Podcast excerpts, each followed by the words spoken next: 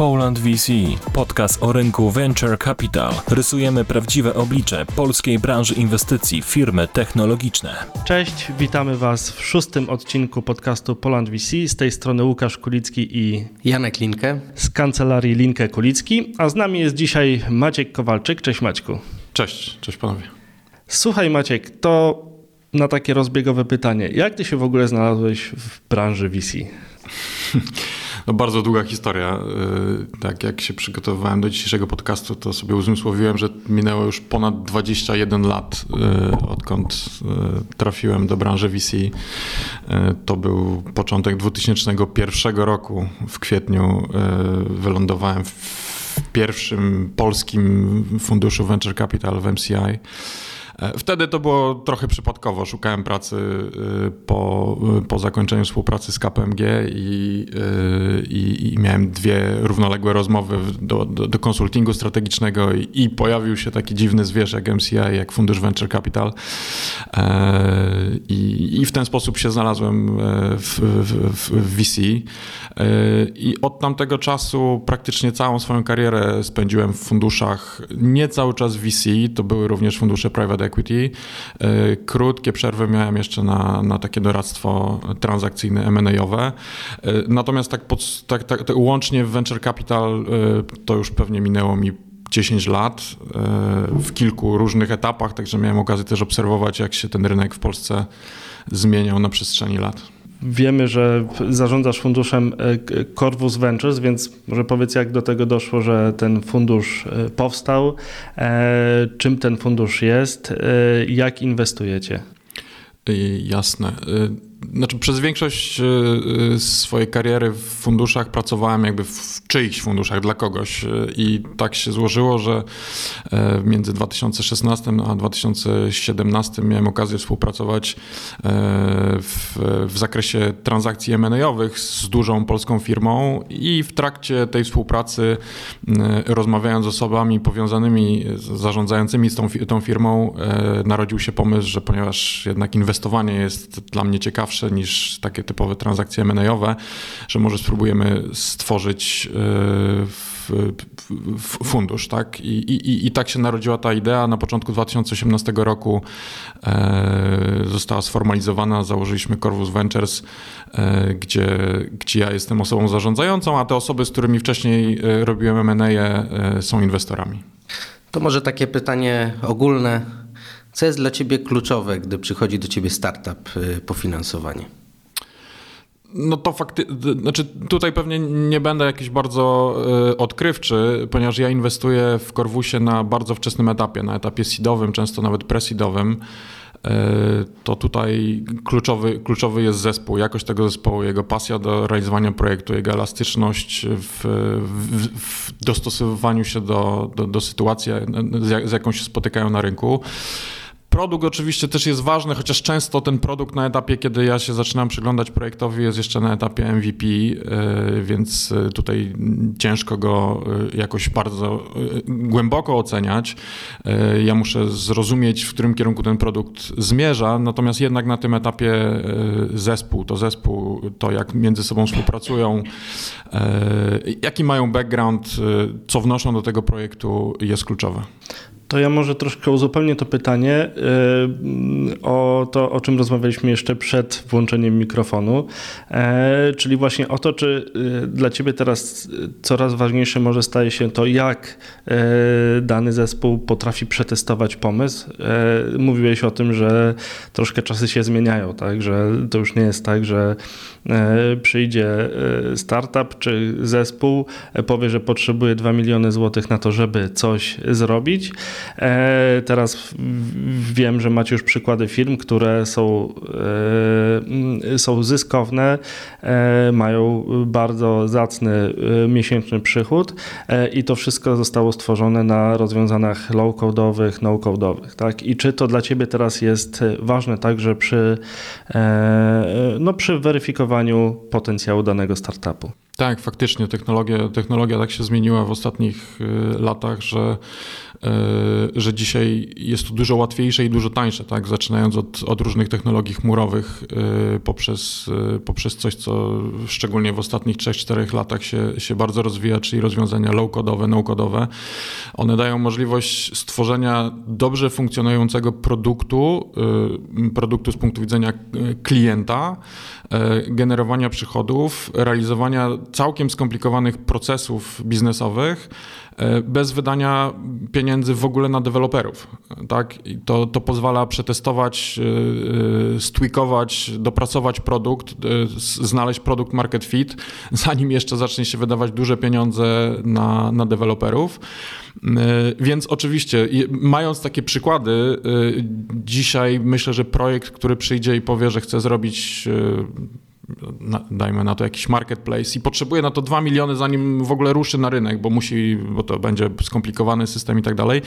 No myślę, że to będzie dodatkowy, dodatkowy punkt szczegółów do sprawdzenia, czy faktycznie to jest projekt, którego nie da się zrobić, czy to jest, czy, a, a, na koniec dnia to jest pytanie o tego przedsiębiorcę, nie? Czy, czy, czy to jest przedsiębiorca, który, yy, który wie, jak i, i, i, jest kreatywny w, w znajdowaniu sposobów, żeby, żeby, y, żeby dobrze zainwestować y, pieniądze inwestora, y, bo są takie możliwości, żeby to zrobić niskim kosztem, bardzo sprawnie, agile'owo i, i to na pewno będzie argument. Mając już takie przykłady, widząc konkretne projekty, które sobie w ten sposób poradziły, to będziemy zadawać takie dodatkowe pytania. To chyba jest też łatwiejsze dzięki tej takiej zmianie pokoleniowej, tak? Jak patrzę po moich rodzicach, jak są sprawni lub niesprawni technologicznie, potem patrzę y, y, na siebie, no i, i patrzę na obecnych 20-25-latków, no to oni już są w stanie sprawnie korzystać z tych rozwiązań no-codowych, low-codowych, bo jakby w tym się wychowali, tak? Ja pewno nie byłbym e, tak, y, mm, nie, nie mógłbym tak sprawnie z tego korzystać, i to pewno też jest takim, y, takim kluczem do tego, ta zmiana pokoleniowa.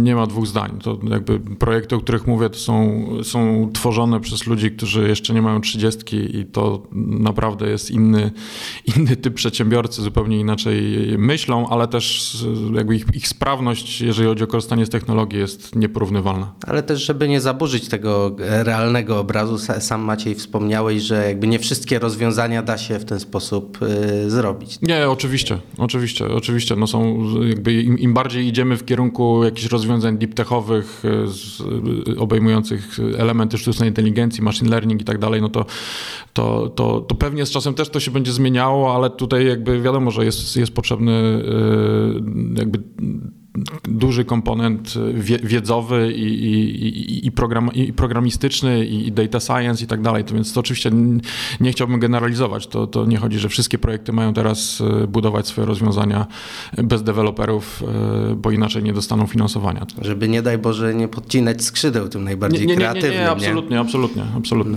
No to myślę też, Janek, że nas jako prawników to powinno pocieszyć. Sztuczna inteligencja szybko nas e, może nie zastąpi. Maćku, Corvus Ventures, e, jak dobrze wnioskuję, zarządza e, no, prywatnymi funduszami, tak? A żyjemy w dobie, w którym, e, w którym mam wrażenie, że te prywatne, fundusze prywatne w branży venture capital są w mniejszości, tak? I czy rzeczywiście tak jest, bo może ja żyję w jakiejś takiej bańce e, związanej z tym, że większość funduszy jest wspieranych na przykład, nie wiem, przez fundusze PFR-owe. Nie ma wątpliwości, że tak jest jak mówisz. Na pewno fundusze stricte prywatne są w zdecydowanej mniejszości, aczkolwiek to się też zmienia. Nie? No tak trochę zaczynając od statystyk, e, to na, nawet niedawno, parę dni temu e, PFR razem z Innovo e, opublikował raport za drugi kwartał tego roku i 75% rund ilościowo jest lidowane przez fundusze z udziałem kapitału publicznego. Tak? Wartościowo oczywiście to jest inaczej. wartościowo y, y, przeważają rundy z, kapita z kapitałem prywatnym, ale to wynika z tego, że te fundusze z, z kapitałem publicznym angażują się na wcześniejszym etapie i to jest jakby naturalny etap rozwoju rynku. Na, na tych wcześniejszych etapach też jest wyższe ryzyko inwestycyjne, dlatego też, żeby zachęcić prywatnych inwestorów, pojawił się ten kapitał publiczny. Także wracając, nie, nie ma w ogóle dyskusji, cały czas, cały czas przeważa kapitał publiczny. Natomiast, natomiast to się zmienia. Tak? Jest oczywiście kilku graczy, którzy już od lat funkcjonują, którzy mają prywatny kapitał, zaczynając od Market One i Nowo, ale też mniejsze fundusze takie presidowe.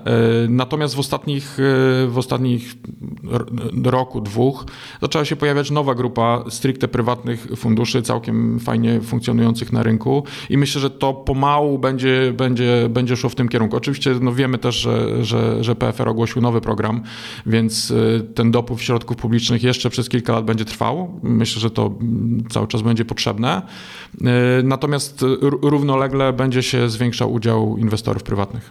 A tak, z punktu widzenia, ciągnąc ten temat, z punktu widzenia startupów, gdybyś powiedział, jaka jest różnica między prywatnym inwestorem, a takim z kapitałem publicznym w kontekście, nie wiem, apetytu na ryzyko, czy jakiejś selektywności projektów? Czy widzisz jakieś takie trendy?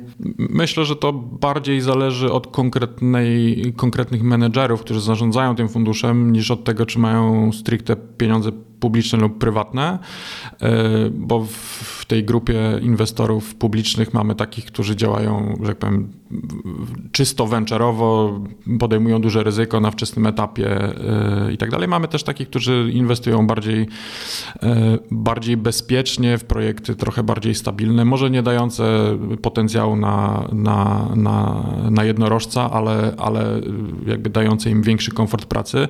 Więc to bardziej myślę, że zależy od, od konkretnych zarządzających. Z punktu widzenia startupów, znaczy myślę, że współpraca z funduszami publicznymi, tymi dobrze zarządzającymi, niewiele się różni. Jest oczywiście jakaś tam dodatkowa warstwa, głównie w, w, w obszarze raportowania, ale, ale wiem, że, wiem, że część tych funduszy organizuje to w ten sposób, że, żeby to nie było obciążeniem istotnym dla, dla, dla, dla przedsiębiorcy. A przejdźmy na. Yy może na stronę funduszu właśnie prywatnego. Jak się zarządza takim funduszem w dobie, kiedy sam powiedziałeś, większość funduszy jest wspieranych przez fundusze publiczne, jest nie tylko wspierany przez fundusze publiczne, ale jakoś tak formalno-prawnie z tymi funduszami czy jednostkami zarządzającymi tymi funduszami, jak na przykład PFR, są bardzo silnie związane. Inwestorzy zagraniczni często mówią, często nam goście tutaj w podcaście mówią, że jakiś fundusz, nie wiem, ze Stanów czy z Europy Zachodniej nie wchodzi do Polski, dlatego że, no, że czuje, że to jest nieuczciwa konkurencja, że, że polski rząd, jednostki publiczne dofinansowują fundusze VC i tutaj upatrują właśnie tej nieuczciwej konkurencji. A jak tobie, takiemu inwestorowi prywatnemu, no, funkcjonuje się w takim świecie i jak ty na to patrzysz?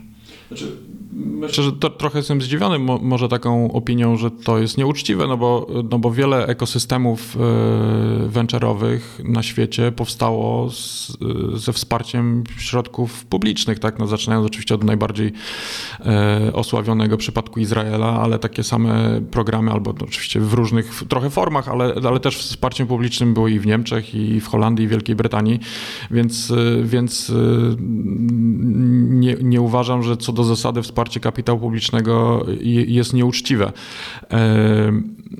Tak jak mówiłem zresztą wcześniej, ono wręcz jest potrzebne, żeby ten rynek trochę rozruszać, bo, bo kapitał prywatny e, musi się nauczyć troszeczkę tej klasy aktywów. E, ona jest ryzykowna, e, więc, więc ten, ten kapitał publiczny pomaga trochę jakby wejść tym osobom z rynku prywatnego w ten kapitał i miejmy nadzieję w kolejnych krokach będą już gotowi do inwestowania bezpośrednio bez tego, bez wsparcia tego kapitału publicznego, bo on oczywiście w którymś momencie to wsparcie się powinno zakończyć, tak?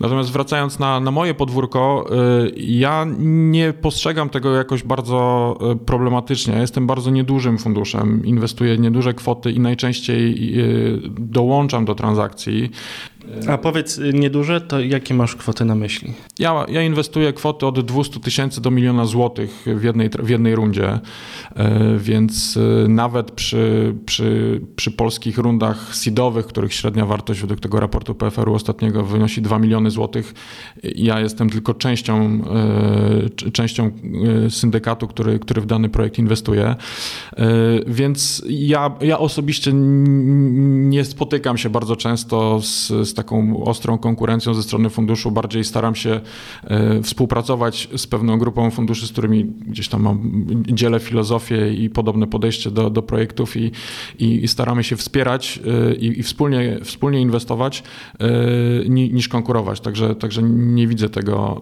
tego problemu. Był taki krótki moment, szczerze mówiąc, na samym początku, jak, jak uruchomiłem Corvus w 2018 roku, na początku 2019, kiedy w czasach, kiedy jeszcze fundusze z programu Bridge Alpha miały ten wyższy limit 3 milionowy. E, no bo przy układzie inwestycyjnym 20% kapitału, a 80% bezzwrotnego grantu i przy kwocie 3 miliony złotych, e, no to, to była dosyć trudna konkurencja dla myślę, nie tylko prywatnych funduszy, ale też na przykład PFR-owych funduszy, które jednak mają środki w 100% zwrotne, tak, komercyjne. Yy, więc ta zmiana później, to, to, to, to, zmniejszenie limitu dla Bridge Alpha z 3 milionów do, do miliona de facto ukróciło tą taką trudną konkurencję. Tak? W tej chwili już tego nie, nie widzę od dłuższego czasu. Czyli w sumie ciekawy wniosek e, wybrzmiewa, że tak naprawdę te środki publiczne tworzą albo rozwijają środowisko, w którym wy możecie funkcjonować, tak? Czyli de facto pewna symbioza biznesowa. Nie, na pewno. Znaczy, na, na, pewno statystyki pokazują, że między 2018 rokiem, kiedy nie było jeszcze funduszy PFR-owych, a 2019, kiedy ruszyły pierwsze, wartość inwestycji wzrosła ośmiokrotnie ponad nie? na polskim rynku venture capital. E, to spowodowało, że coraz więcej osób myśli o tym, żeby założyć swój biznes. Z, już, z biznesów, które już osiągnęły pewien sukces, odchodzą ludzie z dużym doświadczeniem, zakładają kolejne biznesy. Więc e, te środki publiczne, one są potrzebne nie tylko tylko po to, żeby zachęcić prywatny kapitał, ale w ogóle, żeby, żeby zbudować podstawę pod rynek, a wtedy robi się też więcej miejsca dla inwestorów prywatnych, więc, więc jak najbardziej uważam, że, że, że per saldo udział tych środków publicznych należy oceniać pozytywnie. Ja też tak na to patrzę, że tak osobiście, że znaczy wiele osób narzeka, że ta polska branża VC jest taka niedojrzała, że jeszcze dużo trzeba zmienić i tak dalej. E, natomiast chyba większość naszych gości e, raczej myśli, myśli odwrotnie, że jak bardzo dużo dobrego się e, stało, ale ja też tak myślę jeszcze od drugiej strony o tym wszystkim, że u nas w Polsce my i tak, jakby to i tak się stało wszystko dosyć szybko. Wiadomo, że to się mogło stać parę lat wcześniej, kilka lat wcześniej. Natomiast biorąc pod uwagę naszą, naszą historię, powiedzmy jakąś odbudowę kraju w latach 90., na początku XXI wieku, to i tak się stało bardzo, bardzo szybko. Tak? Nie wiem, Dolina Krzemowa nie powstała 20 lat temu. I, e, Izra jakby powiedzmy izraelska Dolina Krzemowa też nie powstała 5-10 lat temu. Tak? I biorąc pod uwagę e, to, że w Polsce zaczęto tym, tym rynkiem venture capital interesować się powiedzmy, no nie wiem, 10 lat temu, tak y, porządniej, może, może 15. E, powiedziałeś jakby, że do, do MCA dołączyłeś tam w 2000 chyba, e, tak, 8 roku, to wtedy jeszcze o takim pojęciu venture capital y, czy startup w ogóle, to nikt nie słyszał tak, tak, mm, tak na rynku. Żeby było śmiesznie, to sobie uzmysłowiłem, że jak zaczynałem w 2001 roku w MCI-u, to podstawową drogą łączenia się do internetu był, był dial-up. Nie wiem, czy tak, wy pamiętacie ja pamiętam. taką metodę, że taki był numer 020 21 20 22, który się trzeba było wdzwonić. Prędkość przesyłowa była 52 kilobajty. Yy, także to, to takie czasy. Ja myślę, że my jesteśmy w bardzo dobrym momencie, biorąc pod uwagę właśnie, że jeszcze PFR otwiera nowe fundusze. Yy, dodając do tego to, że, yy, że są już przedsiębiorcy, którzy wyszli z jakiegoś startupu, zakładają swoje fundusze, kolejne swoje startupy, że powstaje efekt takiej kuli śniegowej, tworzy się takie koło zamachowe i że raczej w, na, w przyszłość trzeba patrzeć no, przez może nie różowe okulary, ale na pewno nie czarne, tak? E, że to wszystko wygląda, wygląda bardzo dobrze, pomimo sytuacji ekonomicznej, w jakiej się e, znajdujemy. E, Maćku, Powiedz, bo y, y, sam powiedziałeś, że, y, że siłą rzeczy y, przez, y, przez te kwoty, które inwestujesz, czyli od 200 tysięcy złotych do miliona, musisz koinwestować z innymi funduszami. Z drugiej strony wiemy z tej naszej rozmowy i z danych rynkowych, że większość inwestycji jest wspieranych przez fundusze publiczne, co jakby prowadzi do wniosku, że pewno musisz koinwestować z tymi funduszami e, e, publicznymi. Zresztą w niektórych transakcjach y, mieliśmy, y, mieliśmy okazję współpracować. Natomiast ciekawi mnie to Twoje zderzenie funduszu prywatnego z funduszem publicznym w jednej transakcji. Czy, y, czy Ty jakoś inaczej podejmujesz decyzje niż fundusze publiczne, czy, czy raczej te różnice to już są, to już są takie niuanse formalno-prawne na samym końcu tak naprawdę transakcji? Na pewno szybciej. Tak, to, to, to, to, na pewno myślę, że w, dobrze powiedziałeś, że w większości, jeżeli nie we wszystkich y, transakcjach, w których uczestniczyłem, y, są fundusze ze środkami publicznymi. Y, natomiast najczęściej, nie, nie, nie, nie, wiem czy we wszystkich przypadkach, ale najczęściej jakby proces decyzyjny jest zdecydowanie u mnie najszybszy. Mimo, że normalnie mam komitet inwestycyjny, w którym akurat u mnie to może nie jest typowe, ale, ale, ale tak u mnie funkcjonuje, są wszyscy wszyscy moi inwestorzy, to jest grupa niewielka, kilku osób, ale, ale wszyscy jesteśmy wspólnie, łącznie ze mną, e, jesteśmy w komitecie inwestycyjnym, to mimo tego ten proces zazwyczaj e, jest dużo szybszy i najczęściej to ja mam pierwsze decyzje komitetu i czekam na wszystkich pozostałych. Natomiast e, nie znam też oczywiście od, od, od kuchni procesu tych funduszy, z którymi koinwestuję, jak wygląda ich komitet, jak wyglądają ich memorandum inwestycyjne z rekomendacją inwestycyjną, tego nie wiem, ale myślę, że tutaj już jest to bardzo, bardzo podobne. No, ja nie muszę pewnie e, wykazywać w swojej rekomendacji jakichś takich kwestii czysto związanych właśnie z, z tym, że oni mają środki publiczne, tam są pewne ograniczenia, obwarowania, na które oni muszą zwrócić uwagę i zabezpieczyć w umowach. Tego ja nie mam, ale poza tym e, myślę, że jakby działamy, działamy bardzo To tak podobnie. z mojej działki, tak jak my obsługiwaliśmy takie, takie fundusze i takie transakcje, no to tych obwarowań jest duże kilkadziesiąt, tak, e, na, które trzeba, na, na, które trzeba spojrzeć i wziąć e, pod uwagę. Wiele z nich to jest jakaś tam czysta formalność, ale, ale na wiele też trzeba spojrzeć i się do nich przyłożyć. Ja na przykład układając na, na samym początku model funkcjonowania funduszu, e, jakby no, założyłem, że jednym z, cen, z cenniejszych zasobów jest czas przedsiębiorców, tak, i żeby nie, nie wydłużać w nieskończoność, czekając na członka komitetu, który akurat pojechał na wakacje albo, nie wiem, jest chory albo coś, ułożyłem proces decyzyjny w ten sposób, że to ja jako osoba prowadząca projekt tworzę e, rekomendacje, wysyłam go do swojego komitetu i mamy tydzień, bez względu na to, czy ktoś jest, czy go nie ma, na podjęcie decyzji. Jeżeli się nie odezwie w ciągu tego tygodnia, to, to uznajemy, że jego głos jest za, jeżeli się odezwie, to maksymalnie w kolejnym tygodniu musimy te, te kwestie wyjaśnić i na koniec drugiego tygodnia musi być podjęta decyzja, e, żeby nie przeciągać e, tego w nieskończoność. I tak patrząc e, z perspektywy na 13 projektów, które mam albo w najbliższym czasie będę miał w portfelu, to chyba w jednym, w jednym przypadku decyzja była podjęta dopiero w drugim tygodniu, a wszystkie pozostałe to było faktycznie w ciągu pierwszego tygodnia były podjęta decyzja od, od momentu, kiedy ja wysyłam rekomendacje. Ale to ciekawa kwestia odnośnie responsywności tych prywatnych y, inwestorów. Jak to w praktyce wygląda? Często masz sytuację, że jakaś istotna liczba tych osób nie zabiera głosu ze względu na jakiś urlop, to chodzi mi o zaangażowanie rzeczywiste. Nie, nie, nie wydaje mi się, że ze, ze względu na urlop, natomiast no, moi inwestorzy są ciągle aktywnymi biznesowo osobami, więc, więc najczęściej ich brak reakcji e, wynika po prostu z tego, że, że po pierwsze ufają mi, że moja rekomendacja jest, e, jest dobra, e, a po drugie po prostu nie zawsze mają czas, żeby żeby, żeby się temu głębiej przyjrzeć. Więc y, najczęściej jest tak, że przynajmniej jedna osoba y, z tego grona kilku osób nie zdąży w ciągu tego pierwszego tygodnia odpowiedzieć, ale, ale zawsze jest tak, że przynajmniej jedna, dwie zadają jakieś pytania, jest jakaś dyskusja i, i, i, i, i, to, to, i w ten sposób ta decyzja zapada.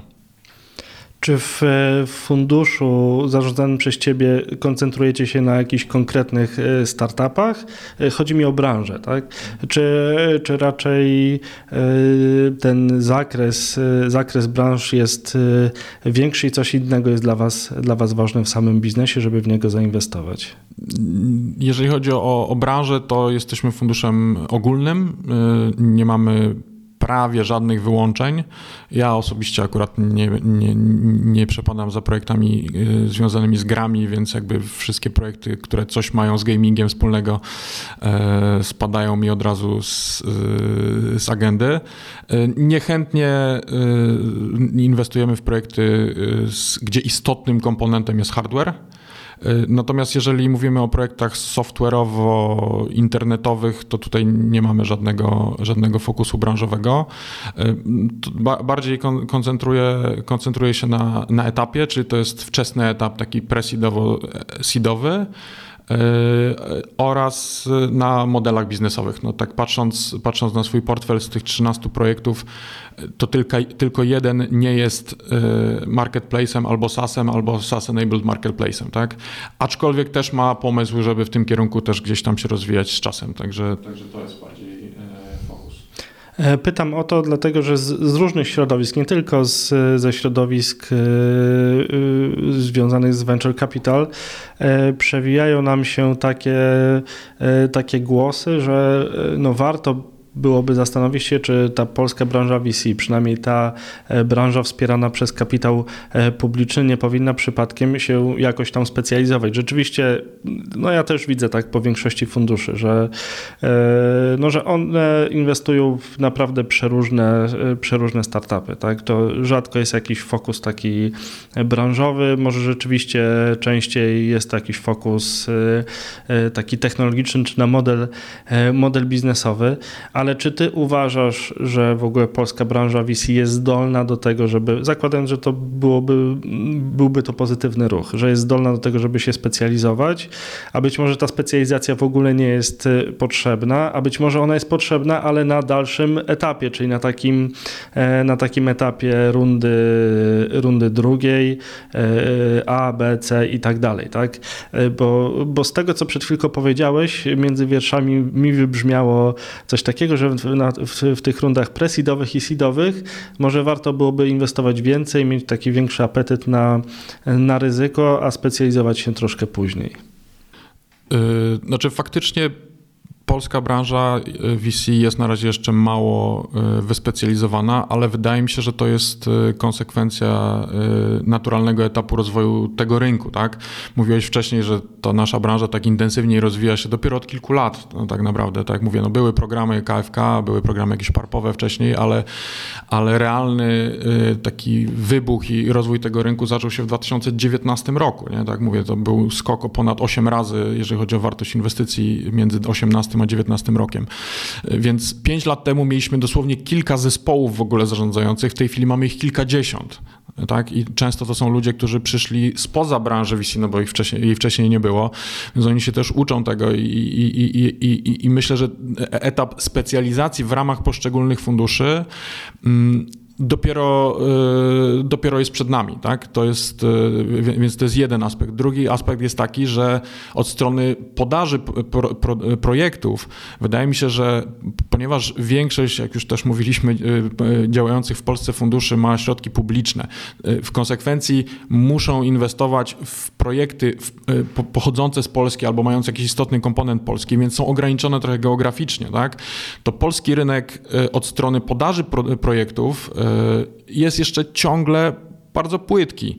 Mimo, że, że ta branża urosła niewiarygodnie przez ostatnie lata, e, pojawiają się pierwsze jednorożce i tak dalej, to ciągle to jest bardzo płytki rynek, w związku z tym jakiś szczególny, e, szczególna specjalizacja e, sektorowa przy ograniczeniu rynkowym myślę, że byłaby nieoptymalna. Tak? Znaczy ciężko byłoby znaleźć odpowiednią ilość dobrych projektów, w wąskiej niszy, żeby y, uzasadnić i, dowieść odpowiedni zwrot y, inwestorom.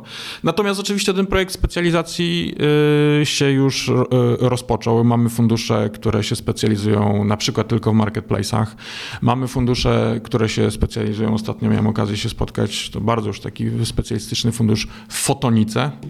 Aczkolwiek tutaj jasne, jasne, jasne było, że to nie jest fundusz, który inwestuje tylko w Polsce. Inwestują w całej Europie, jeżeli nie, nie szerzej. E, mamy no ale już, to już chyba prywatny fundusz, nie? To jest fundusz prywatny. E, mamy pierwszy fundusz stricte impaktowy, który niedawno, e, nie, nie, niedawno wystartował. No mamy kilka funduszy z CVC założonych w ramach dużych grup przemysłowych, więc one też siłą rzeczy mają jakąś taką specjalizację. Ona jest trochę może rozmywana, ale, ale jednak są to jakieś, są to, jest to specjalizacja na projektach, które w, dla, dla danego sponsora tego funduszu mają jakieś znaczenie takie w jego biznesie. Tworzą synergię. Tworzą jakieś synergie, tak.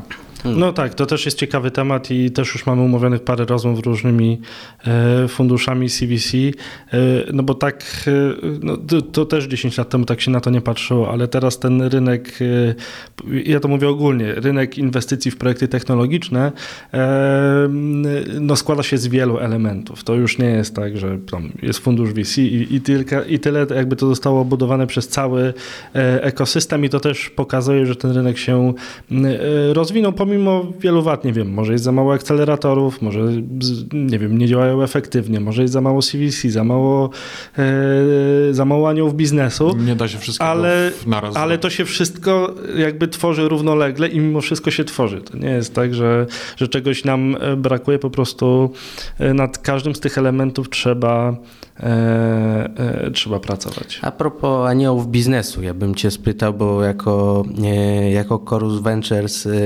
współpracujecie z aniołami biznesu. Jak postrzegasz rynek inwestycji anielskich? Do tej pory w sumie mówiło się o nich niewiele, teraz się mówi coraz więcej dzięki m.in. aktywności PFR-u czy, czy, czy takim publikacjom jak raport Cobin Angels. E, jak postrzegasz współpracę z aniołami biznesu? Jak postrzegasz w ogóle ten rynek inwestycji anielskich? Jasne. Sam Corvus jest de facto takim, taką zinstytucjonalizowaną formą inwestycji anielskich, bo tak jak mówiłem wcześniej, moimi inwestorami są tylko, jest, jest kilka osób prywatnych, e, więc, więc e, ja funkcjonuję na rynku. Często, często na przykład koinwestuję z funduszami z programu PFR Business, dla których mimo, że, że, że jestem funduszem y, działającym jako ASI y, i tak dalej, to z ich punktu widzenia jestem wehikułem aniołów biznesu, y, więc, więc też de facto jestem tym aniołem biznesu. Natomiast generalnie patrząc szerzej, to ten rynek tak samo się super rozwija. Y, to, to też jest niewiarygodna y, różnica. Liczba aniołów y, rośnie bardzo dużo. Mamy bardzo, bardzo różnych, są, jest, jest to bardzo zróżnicowane grono. Są, są tacy naprawdę profesjonalnie działający aniołowie, którzy już nawet tworzą takie anielskie fundusze. Są trochę luźniej działające takie kluby inwestycyjne albo spółdzielnie, jak, jak się nazywają, ale też jakby o, o dosyć określonym profilu, robiące po kilka, kilkanaście projektów rocznie nawet. Y, I są indywidualni aniołowie. Wśród tej grupy też są tacy, którzy robią to bardziej profesjonalnie, bardziej regularnie i tak dalej. Są tacy, powiedzmy, turyści inwestycyjni. Także to spektrum jest, to spektrum jest bardzo szerokie. Y,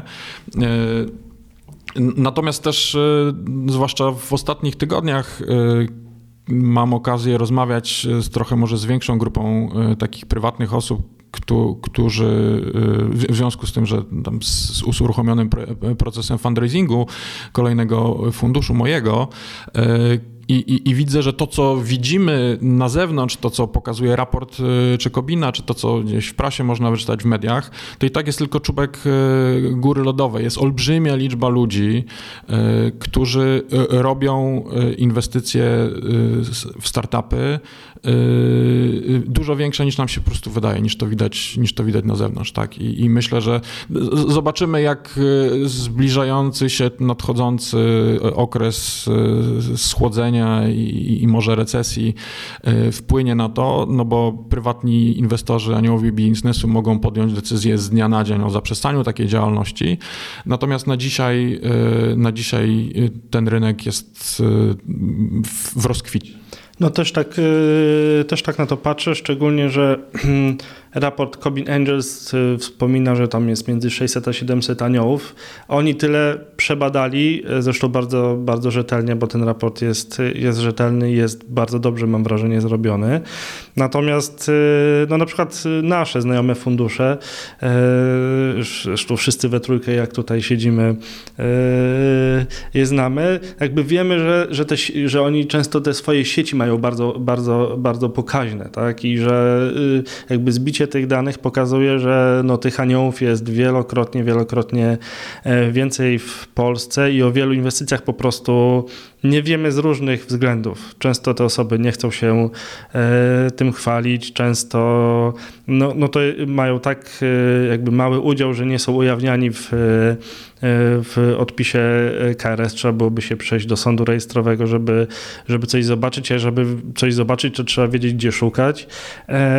Więc ten rynek jest po prostu bardzo e, bardzo ciężki do zmapowania, a tak naprawdę i przez to, że jest ciężki do zmapowania, nie wiemy jaki, jaki ma wpływ na, na rozwój w ogóle wszystkich inwestycji w, w nowe technologie, ale, ale myślę, że ma, że ma bardzo istotne znaczenie. Ja jeszcze bym e, powiedział, że też jest cała masa pewnej szarości, tak, wynikająca z braku definicji startupu, z braku definicji anioła biznesu, tak, bo może być cała masa inwestycji technologicznych, która nie jest wypuszczona nawet na jakiś rynek venture'owy, a spełnia wszystkie jakieś e, przesłanki tego do, do bycia startupem i tam prywatni inwestorzy inwestują przez swoje sieci, też prywatny network. Także to rzeczywiście trudne jest do policzenia Jasne. Znaczy jest też szereg projektów, które, y, które nadają się, że tak powiem, dla, do, do, do, jako inwestycja dla aniołów biznesu, nie zawsze nadają się dla, dla funduszu. Różnica jest y, może często taka, taka niejasna. Fundusz y, patrzy na cały portfel i, i, i, musi zarobić na całym portfelu. W związku z tym zakłada, że część z tych projektów się nie uda w ogóle i, i, i żeby osoby zarządzające funduszem e, odniosły swój osobisty sukces, to muszą znaleźć tam też projekty takie, które zarobią na, na, na, na te, które upadły. Anioł biznesu, e, jak zarobi na całym portfelu dwa razy, to może nie będzie to sukces, ale to, e, ale ale, ale, ale, no, ale, ale jest do przodu. Więcej niż na wakacje. Ale jest więcej niż na wakacje, więc, więc często są projekty takie, które nie mają potencjału, żeby, nie wiem, zwrócić się 10 razy, 100 razy, 50 razy, ale 2-3 w, perspektywie 2-3 lat i to może być świetna inwestycja dla, anioła, dla prywatnego inwestora, dla anioła biznesu. Niekoniecznie, tak jak mówiłeś, mieści się w tej kategorii powiedzmy startupu, tak? który, który potencjalnie mógłby być e, interesujący również dla funduszu. Mhm. Teraz może takie pytanie, na które odpowiedź e, będzie interesować szczególnie nas jako prawników i, i słuchających nas też prawników.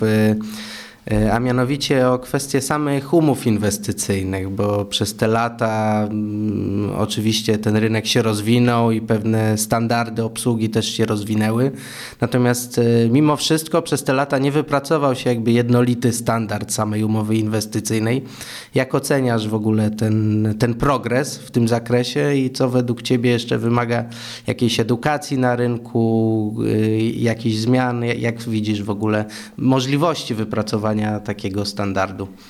Znaczy, myślę, że tutaj są dwa aspekty. Jeden to jest, jakie warunki proponują fundusze i jakie próbują wynegocjować z founderami, tak od strony biznesowej, a drugi aspekt to jest na co pozwalają przepisy, znaczy jak jest skonstruowane y, y, KSH, bo de facto to główne, główne źródło y, i, i, i, i jakie elementy można w prosty albo w mniej prosty sposób wprowadzić w życie, tak? Jeżeli chodzi o te pierwsze, czyli czy jakby to, czy podejście samych funduszy, co próbują wynegocjować z, z, przedsiębiorcami, to tak pamiętam, że jak zaczynałem w 2018 roku, to gdzieś w przestrzeni medialnej funkcjonowała taka anegdota, którą się przypisuje Stefanowi Batoremu. Nie wiem, czy to on faktycznie powiedział, że, że w tamtych czasach, te kilka lat temu, żeby odnieść sukces w, w polskiej branży VC, to wystarczyło nie być, i tutaj padało niedyplomatyczne słowo, powszechnie uważane za, za obraźliwe na CH. I pewnie w tamtym czasie wydaje mi się, że tak było. Tak? Faktycznie tych funduszy takich, które, które promowały fair podejście do, do, y, do założycieli, y, które myślały o, kolej, o perspektywie kolejnych rund, że trzeba będzie pozyskiwać kolejne rundy z kolejnymi inwestorami, często zagranicznymi, którzy już w pewnych standardach funkcjonują od dłuższego czasu, do pewnych standardów są przyzwyczajone. Mm, to takich było wtedy relatywnie mało i to faktycznie mogło być wyróżnikiem. Na przestrzeni tych ostatnich 4-5 lat to się bardzo zmieniło i myślę, że w tej chwili to już nie jest żaden wyróżnik. Myślę, że zdecydowana większość funduszy w Polsce jakby zrozumiała, że, że że są pewne międzynarodowe y, standardy, y, pewne ramy, w których powinno się poruszać i większość funduszy w tych ramach się, się porusza. Oczywiście są różne jakieś tam drobne modyfikacje, drobne odstępstwa, ale, ale myślę, że jest ich coraz mniej. Także ja też jakby no miałem okazję, jak mówiliśmy, długo jestem w branży, miałem okazję obserwować te początki polskiej branży, później zmianę gdzieś tam powiedzmy w okolicach 2010, 12, 13. No i te ostatnie lata to jest, to jest, to jest diametralna zmiana to też wynikało z tego, że, że te pierwotne standardy, takie ciężkie umowy, y, szyte na miarę, one, one by, były trochę pochodną tego, że na, nasza branża VC, wczesna branża VC, uczyła się na branży private equity, gdzie to podejście jest inne. Tam faktycznie y, te umowy są dużo bardziej skomplikowane. Y, tam udział założycieli firm jest najczęściej dużo mniejszy albo nieistotny, bo często oni wychodzą ze spółki wraz z inwestycją funduszu, y, więc dlatego te standardy były zupełnie inne. No i w początkowym etapie no nie mieliśmy z czego czerpać. To też były lata, kiedy, y, kiedy fundusze nawet zachodnie nie dzieliły się tak szeroko wiedzą o, o, o, o kuchni swojej pracy, jak teraz to się dzieje. Jest mnóstwo blogów, podcastów. Na eventach przyjeżdżają ludzie z funduszy, opowiadają, jak się, jak, jak się robi e, inwestycje. Wtedy tak nie było.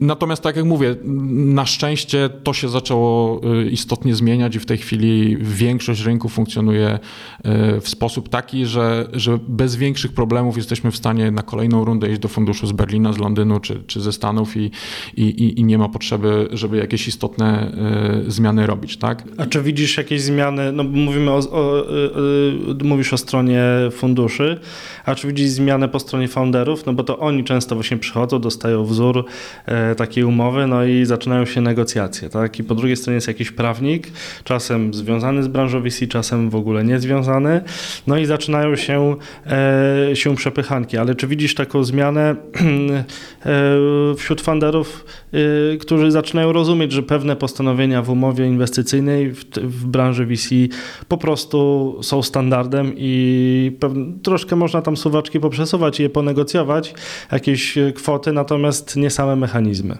Oczywiście, znaczy no, ci founderzy, zwłaszcza dobrzy founderzy czytają te same blogi, słuchają tych samych podcastów yy, i yy, wiedzą, że wychodząc po pieniądze na rynku to jest jakby bardzo istotne wydarzenie w życiu firmy.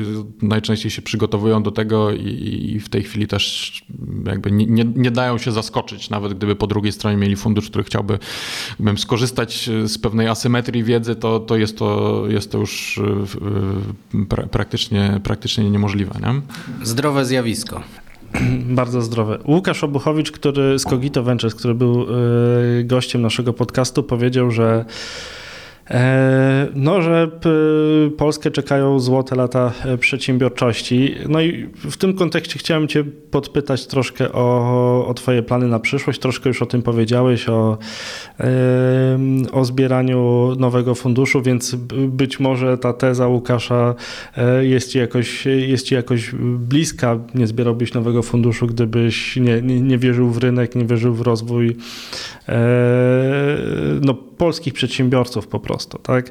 Natomiast może zdradzisz nam e, troszkę więcej odnośnie tego nowego fundraisingu, nowego funduszu. Tak, zakończyłem z końcem czerwca zakończyłem okres inwestycyjny y, pierwszego funduszu y, w, w ramach Corvusa.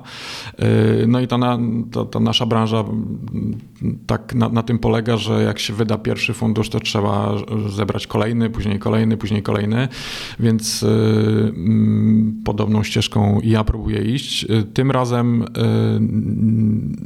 będę działał już trochę w większym gronie. Dotychczas w Korwusie działałem jednoosobowo. W tej chwili zbudowaliśmy zespół czterech partnerów e, zarządzających.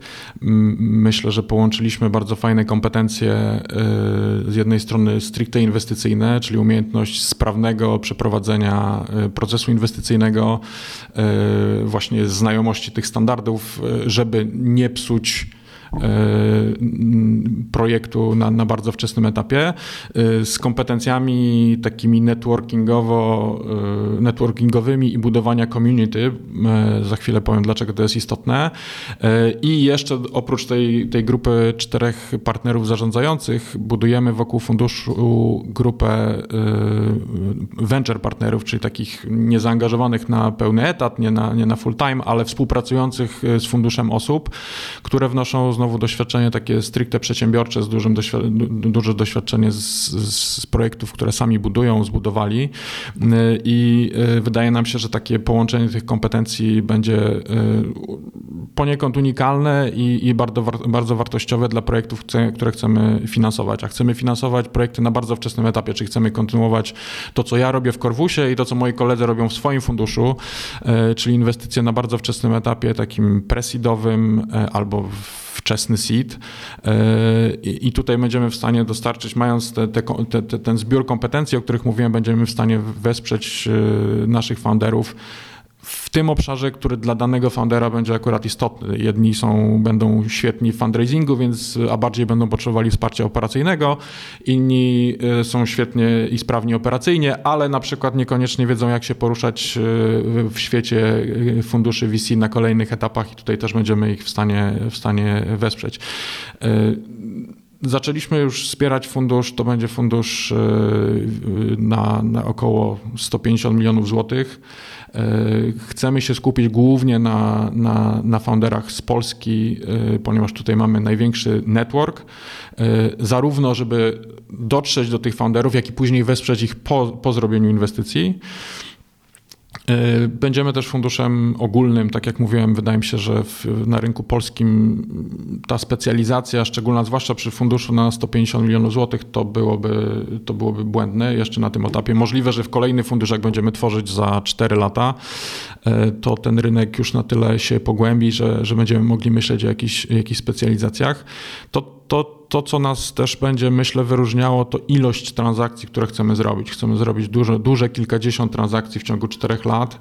Yy, wszystkie statystyki, jakie przejrzeliśmy, przygotowując się do, do, do, do rozmów fundraisingowych, do opracowania tej koncepcji, wskazują, że na tak wczesnym etapie, presidowym, seedowym, yy, to liczba transakcji jest głównym yy, kontrybutorem do, do, do zwrotu funduszu. Tak? Jakby prawdopodobieństwo, prawdopodobieństwo